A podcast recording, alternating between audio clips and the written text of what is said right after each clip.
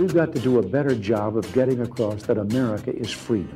Freedom is special and rare. It's the idea held by generations of citizens who believe that America is a constant work in progress. We choose to go to the moon in this decade and do the other thing, not because they are easy, but because they are hard. And it's the people who are making America great again. We may be opponents, but we're not enemies.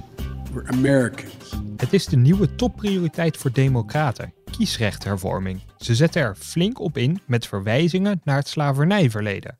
Republikeinen willen ook wel wat hervormen, maar de verschillen zijn groot. Deze keer in de Holland-Amerika-lijn de strijd om de stembusgang. Mijn naam is Victor Pak en in Washington DC zit klaar Emiel Kossen. Welkom Emiel. Hoi Victor, hoe is het?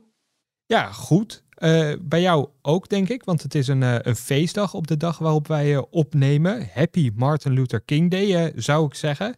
Waar staat die feestdag precies voor? Dag Vic, ja. nou ja, dat, staat er al een beetje in de naam, hè? de Martin Luther King Day. Dus een, dag waar MLK wordt herdacht. Het is een vrijdag in Washington. Het ligt een beetje aan waar je bent in het land of, of er echt veel wordt gedaan. In Washington is er dan altijd een, een optocht van um, civil rights leaders, burgerrechtenactivisten en daar is dan meestal ook iemand bij uh, van de, de, de King-familie. En um, dit jaar is daar iets meer aandacht voor, omdat ze, um, ja, omdat ze een statement willen maken tijdens die optocht. Uh, om, om te vragen om, uh, ja, om eerlijke verkiezingen. Ik zei net feestdag, het is dus meer ook een soort herdenking voor MLK. In de intro had ik het over kiesrecht, want dat is nu een, een hot topic in de Verenigde Staten. Jij zei al eerlijke verkiezingen. Waar gaat het precies over? Wat willen de Democraten nu precies en waar willen die civil rights leaders nou de aandacht op vestigen? Wat is er aan de hand? Nou ja, na de verkiezingen van 2020, um, ehm, waar natuurlijk een hoop om te doen was, uh, vooral in de nasleep ervan, um, zijn er eigenlijk twee dingen gaande in het land. Dus niet zozeer in Washington, maar juist in, uh, in de staten. Um, er zijn een handvol staten, en dat zijn dan vooral republikeinse staten, die de regels rond het stemmen de afgelopen tijd hebben aangepast of proberen aan te passen. Uh, dan gaat het vooral om het uitbrengen van stemmen, hoe makkelijk dat is. Um, en dan is er nog een tweede onderdeel, en dat is dat sommige staten proberen uh, om het systeem rond het, uh, het, tellen van de stemmen te veranderen. Dus, dus juist ja, nadat iemand zijn stem heeft uitgebracht. En die twee zaken um, ja, die zorgen voor heel veel zorgen bij Democraten in Washington. En dus ook inderdaad de nazaten van Martin Luther King, die zich natuurlijk heel erg sterk maakte voor um, verkiezingen waar iedereen aan mee kon doen. Dat is heel goed te begrijpen natuurlijk. Um, laten we allebei deze dingen maar uh, bespreken. Ten eerste die strengere regels. Democraten noemen die nieuwe stemregels zelfs uh, Jim Crow 2.0. Wat bedoelen ze met die naam en zit daar wat in? Ja, Jim Crow, dat is uh, de benaming voor um, het systeem dat in Amerika in de zuidelijke staten werd opgericht na de slavernij. zwarte mensen waren officieel vrij.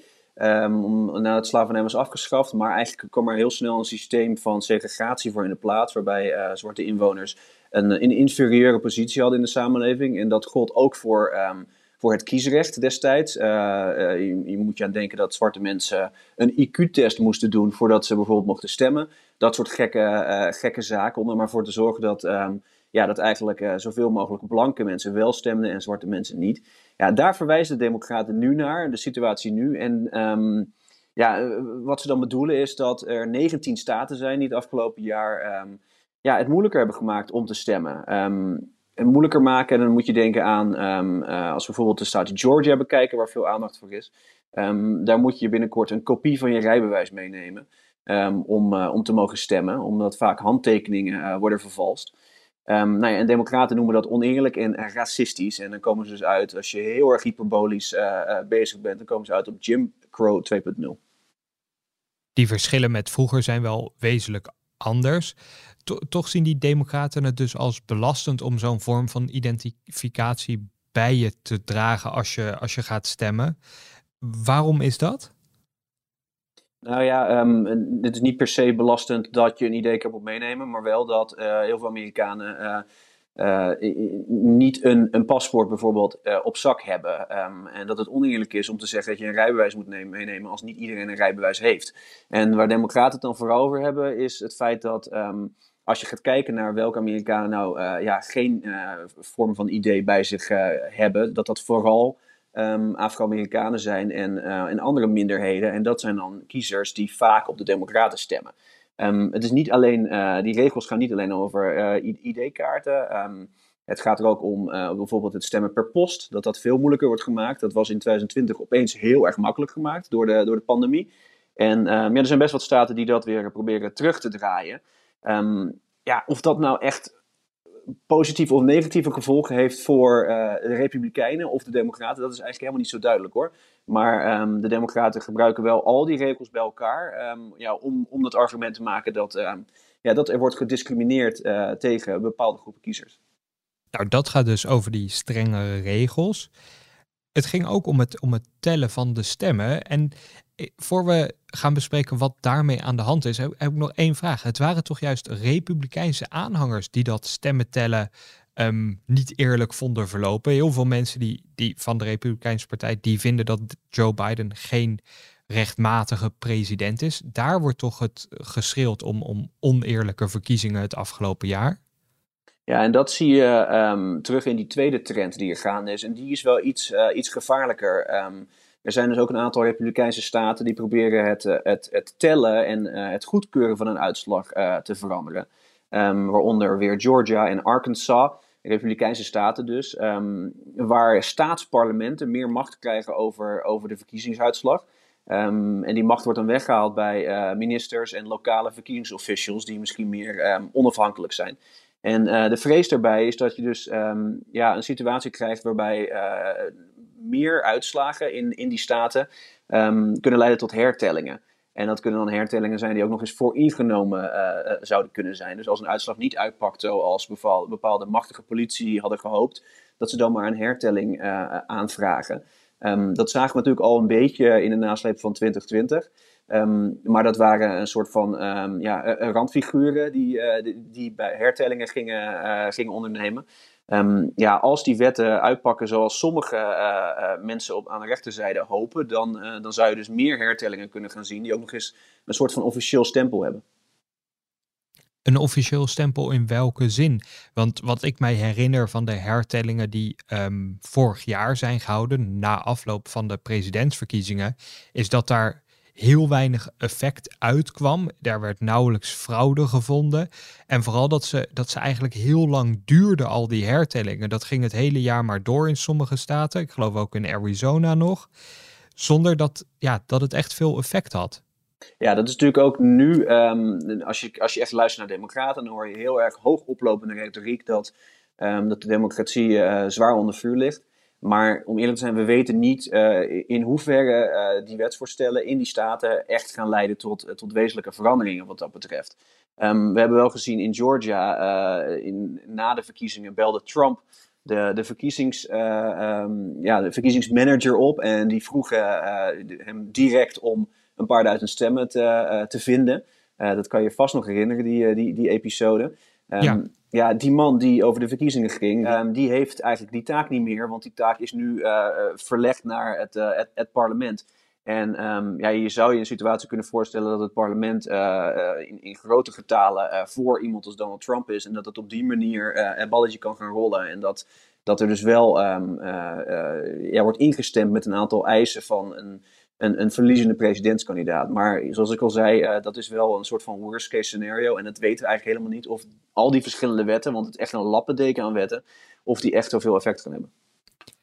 Nog één vraag hierover, want inderdaad, al die staten regelen dit apart. Je beschreef net Georgia, waar één politicus ja, die verkiezingen regelde als het ware. Hij was daarvoor verantwoordelijk en kreeg dat belletje van Trump. Nu verschuift die macht dus naar het lokale parlement van Georgia. Je zou ook kunnen denken dat dat gunstig is, want dan heb je opeens heel veel mensen die erover gaan en in het openbaar. Dus als er dan een belletje komt van een president die wil sjoemelen met de uitslag, dan gaat dat misschien juist moeilijker. Of denk ik nu iets totaal verkeerds? Theoretisch. Het lastige is dat, um, dat al die wetten vrij vaag zijn opgeschreven en dat ze ook nog eens allemaal verschillend zijn. Dus uh, Arkansas krijgt een, een soort van uh, Board of Electioners, uh, een, een, extra raad van, van wijzen uh, die over de verkiezingen gaat. Dat zijn dan vooral republikeinen die daar, die daar plaatsnemen. Ehm, Georgia doet het dus weer anders. daarom is het moeilijk om daar een antwoord op te geven, want ehm, ja, dat kan eigenlijk overal net anders uitpakken. En dat is waar, ehm, waarom Democraten in Washington proberen om, om landelijke regels in te stellen.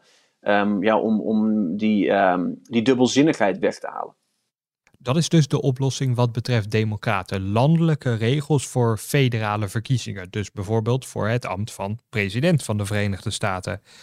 Hoe willen ze dat precies vormgeven? Ja, er zijn twee wetsvoorstellen momenteel in, um, in het congres. Eentje is de Freedom to Vote Act. Uh, dat is een soort megavoorstel met allerlei politieke hervormingen.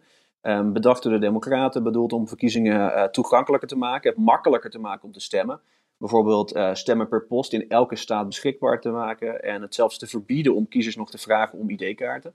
Um, ik zei al, het is een mega voorstel. Er zitten ook allerlei andere dingen in, van uh, ethische regels voor politici en lobbyisten tot beperkingen van bedrijven om, om nog geld uh, te investeren in, in verkiezingen.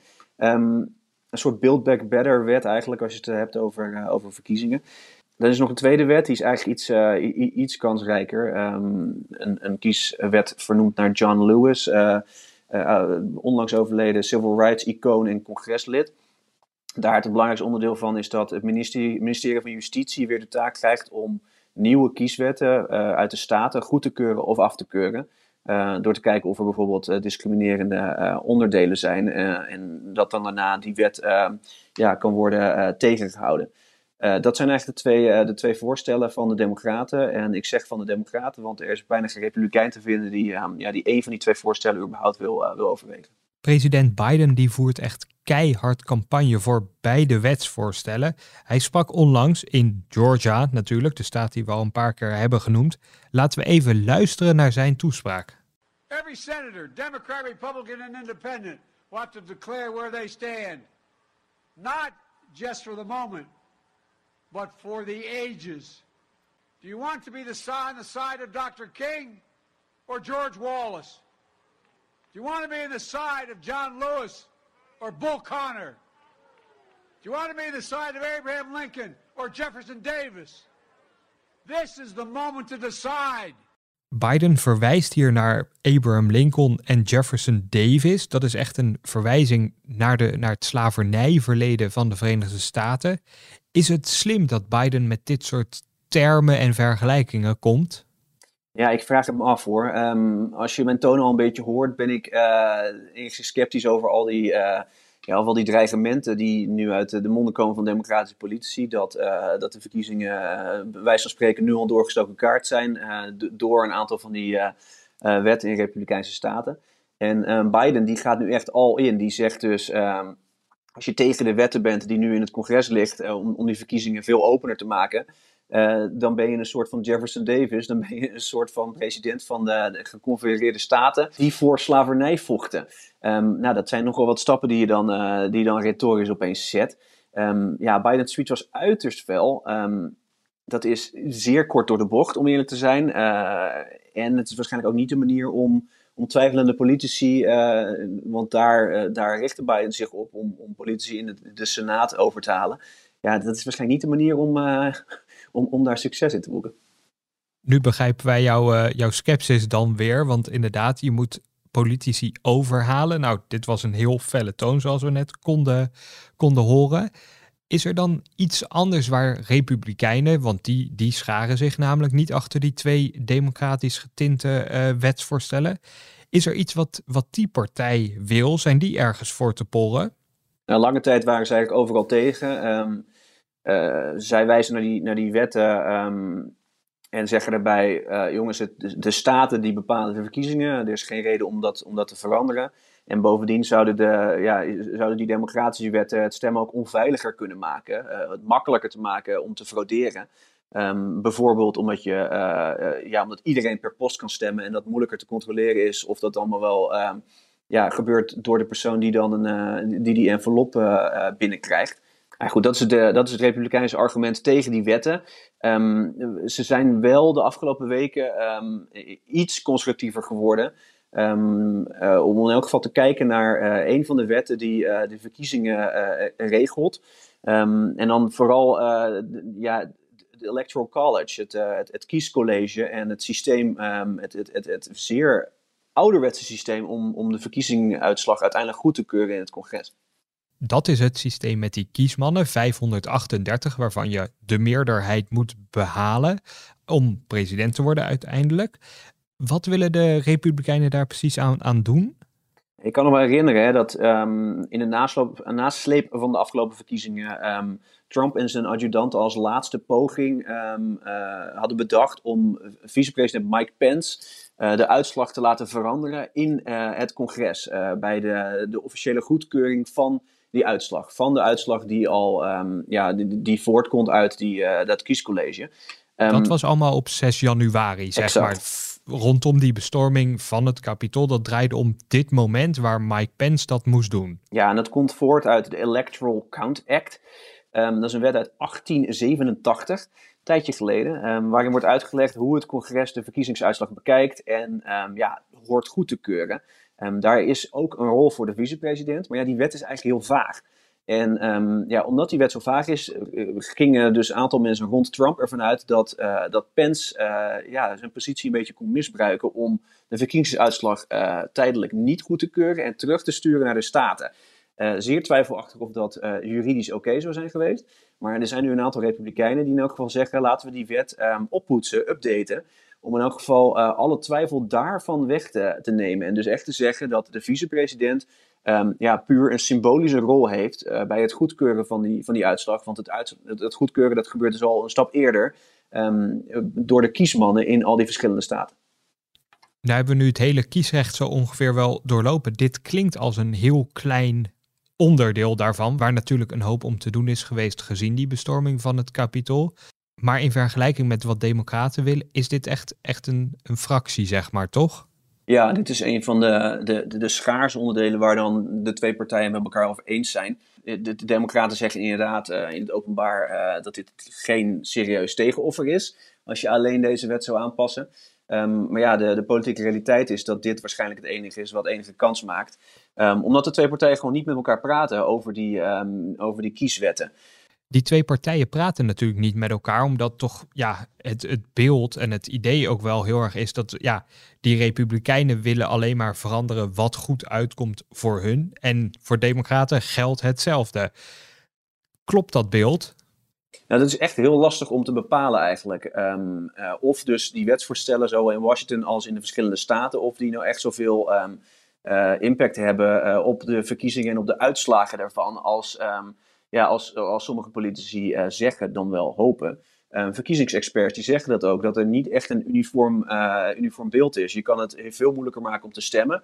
Um, allerlei, allerlei drempels opleggen, maar dat betekent niet per se dat er dan veel minder democratische kiezers komen opdagen. En hetzelfde geldt voor de andere situatie. Als je het heel makkelijk maakt om te stemmen, is dat niet een, een ja, een garantie dat, uh, dat er minder republikeinen uiteindelijk uh, komen, komen stemmen. Daar is een voorbeeld van en een interessant voorbeeld, denk ik zo. Want um, Joe Biden's thuisstaat, Delaware, um, ja, dat is een staat met een van de strengste regels in het hele land. daar moet je altijd al een ID-kaart meenemen om, om te kunnen stemmen. Um, daar gaat het niet over in deze discussies, maar je zou eigenlijk het argument kunnen maken dat Delaware op heel veel manieren het moeilijker maakt om te stemmen dan een staat als Georgia, waar iedereen het over heeft. En toch is Delaware een staat die heel erg democratisch is. Het ligt dus een stuk genuanceerder dan, dan we denken. En wanneer kunnen we eigenlijk uh, actie verwachten voor die, voor die wetten waar Joe Biden zo zijn best voor doet? Nou, ze zijn er nu over aan het praten. Um, zelfs op een feestdag is de Senaat aan het werk. Dat gebeurt niet zo heel vaak. Dat laat zien dat Um, ja, dat in ieder geval de Democraten het een heel belangrijk thema vinden. Um, ja, of er echt succes gaat worden geboekt, dat is dus een heel andere vraag. En om die vraag goed te kunnen beantwoorden, gaan we over naar onze persoon van de week. Is the biggest non-secret in politics. This is a huge story. It's transforming the country, and everyone is ignoring it. Here's a look quickly at what we know so far. De Holland-Amerika-lijn Most Valuable Person in D.C. De persoon deze week is Kirsten Sinema, senator namens de staat Arizona. Wie is zij, Emiel? Ja, is een, een, een, een blondine, 45-jarige blondine uit Arizona inderdaad. Um, uit het westen dus, uh, de, woestijn kun je ook wel zeggen. Ja, zij is een van de machtigste politici op het moment in, in Washington. Dat komt omdat ze een democraat is, maar ook um, heel erg in het midden zit. En um, ja, volgens sommige lijstjes zelfs conservatiever is dan, dan tal van republikeinen in, in de Senaat. En ja, maar ja, omdat ze democraat is, heeft ze wel heel veel macht op de agenda van Joe Biden. Als we het over machtige democratische senatoren hebben, dan ging het altijd over Joe Manchin. Nu hebben we het over Kirsten Sinema. Waarom is zij nu zo belangrijk? Nou ja, bij de voorgaande uh, wetsvoorstellen en onderhandelingen ging het inderdaad vooral over Joe Manchin, die um, ja, die, die graag in de aandacht staat uh, en, en praat met, uh, met journalisten. Kirsten Cinema doet dat eigenlijk helemaal niet. Die probeert iedereen zoveel mogelijk te, te omzeilen. Um, en um, ja, haar stemgedrag eigenlijk geheim te houden. Um, waardoor ze dus op het laatste moment kan kiezen of ze voor iets stemt of tegen iets stemt. Ja, met het kiesrecht uh, heeft zij een belangrijke rol, omdat de Democraten het theoretisch met alleen de Democraten kunnen doen in de Senaat. Als de filibuster, een, een oude senaatsregel, um, tijdelijk wordt opgeheven. Um, dus als Cinema en Manchin uh, daarmee akkoord zouden gaan, dan zou opeens die, uh, die twee wetten waar we het eerder over hebben gehad, die twee kieswetten, zouden met een kleine meerderheid van 50 um, ja, uh, kunnen worden goedgekeurd. En zij verdedigt die regels hartstochtelijk, waardoor die plannen, zoals die kiesrechthervorming, dus stil liggen. Ja, Cinema die blokkeert dat. Uh, die zegt dat het een heel slecht idee is om, um, ja, om het kiesrecht te veranderen. Uh, ja, puur op, op, met, de, met de steun van één partij. Um, dat het kiesrecht nou net iets is waar je uh, eigenlijk ja, iedereen aan boord moet hebben. Omdat je anders het idee um, gaat verspreiden, de, de, sfeer gaat, gaat creëren. Dat die verkiezingen helemaal niet eerlijk verlopen. Van tevoren al. Dat is een, een, een, vrij stevig argument van Cinema. En ja, toen ze dat vorige week aankondigde, Um, dat zij dus tegen het veranderen van de filibuster is en daarmee Joe Bidens uh, kieswet um, ja, op een doodspoor uh, liet belanden. Ja, sinds dat ze dat zei, um, kreeg ze heel veel boze reacties van uh, ja, de linkerzijde van haar eigen partij. Veel progressieven zien haar ook als een soort verrader. Hoe komt dat? Nou ja, Cinema's geschiedenis is best interessant. ze startte haar politieke carrière als onderdeel van de Green Party. Uh, dat is een heel klein uh, partijtje in de Verenigde Staten, uh, een soort van GroenLinks. Um, ze was tegen de, alle oorlogen van Amerika na 9-11. Ze was heel erg links, ze was heel erg pro-immigranten. ga maar door. Um, sindsdien, sinds ze in het congres zit, dat was in 2012, is ze democraat geworden en is steeds meer um, ja, naar het midden gegaan eigenlijk. En wat ik al zei, tegenwoordig is ze dus conservatiever dan een aantal republikeinen in de Senaat. Um, ja, dat zorgt voor, uh, voor steeds meer frictie met uh, progressieve uh, activisten binnen de Democratische Partij. En um, ja, dat er nu zoiets als dit gebeurt, een soort van bom, waarbij Cinema dus zegt: Ik doe niet mee aan Bidens te progressieve plannen. Ja dat, um, ja, dat zagen wij aankomen, maar dit is dan echt het moment dat, ja, dat die hele progressieve zijde boos opstaat zij is dus heel erg van kleur veranderd. Letterlijk uh, van groen naar blauw, maar ook een beetje figuurlijk in die zin. Heel erg naar het midden opgeschoven. Waarom doet ze dat eigenlijk? Nou ja, uh, Cinema die komt uit Arizona, een, swing state, um, sinds kort eigenlijk. Um, het is best wel opvallend dat, dat zij als democraat uh, de senator is voor die staat, want er wonen nog heel veel conservatieve kiezers. Um, ze is namelijk de opvolger van John McCain. Uh, ja, een van de meest iconische uh, republikeinse senatoren uh, van de afgelopen decennia. En ja, ze probeert echt die mantel van McCain um, ja, te dragen. En dat betekent dus ook dat je af en toe um, nee zegt tegen je eigen partij en heel erg in het midden gaat zitten om, ja, om kiezers uit beide, ja, van, van, van beide flanken eigenlijk in Arizona, om, om die aan te spreken. John McCain hield ooit het afschaffen van Obamacare tegen, terwijl al zijn partijgenoten dat wel wilden. Kirsten Sinema houdt nu kiesrechthervorming tegen, terwijl heel veel partijgenoten dat ook willen. In die zin is het wel een waardige opvolger, kun je dan concluderen. Ja, um, al zouden op dit moment zou geen democraten daarmee uh, mee eens zijn. Maar ja, dat is waarschijnlijk hetzelfde als je het uh, vier jaar geleden vroeg aan de Republikeinen. Um, dan waren die ook een beetje boos op John McCain. Uh, had John McCain natuurlijk wel heel veel krediet opgebouwd door al die jaren. En dat is bij Cinema niet zo. Ze is een, een, een, een relatieve nieuwkomer. En misschien zorgt dat er wel voor dat er nu ook steeds meer stemmen opgaan binnen de Democratische Partij. om Cinema misschien maar te verslaan in, in de voorverkiezingen als zij in 2024 een, een nieuwe termijn zou willen als senator. Dat lijkt me voor de Democraten niet zo wijs, aangezien uh, Arizona nog altijd een redelijk conservatieve staat is. Dus als je dan een gematigde senator eruit knikkert voor een progressieveling, dan uh, koers je op verlies af, zou ik zeggen. Dat is wel het risico wat, uh, wat je dan loopt als, als partij. Um, het is in elk geval zo dat de progressieve flank op dit moment binnen de Democratische Partij heel veel stem heeft, een hele harde stem heeft. Um, in Washington bijvoorbeeld. Um, maar of dat ook bij de kiezers ja, of, of dat, dat toongeluid bij de kiezers aanslaat, dat is maar de vraag. Voorlopig krijgen ze hun wensen nog niet doorgedrukt in het Amerikaanse congres. Hoe hard Joe Biden het ook probeert. Dit was Holland Amerika voor deze week. Heel veel dank voor het luisteren. En vergeet u niet te abonneren op het kanaal van EW. Dan kunt u ook eens naar andere podcasts luisteren. Bijvoorbeeld over het coververhaal of de Brusselse politiek. Wij zijn over twee weken weer terug. Hopelijk luistert u dan ook weer.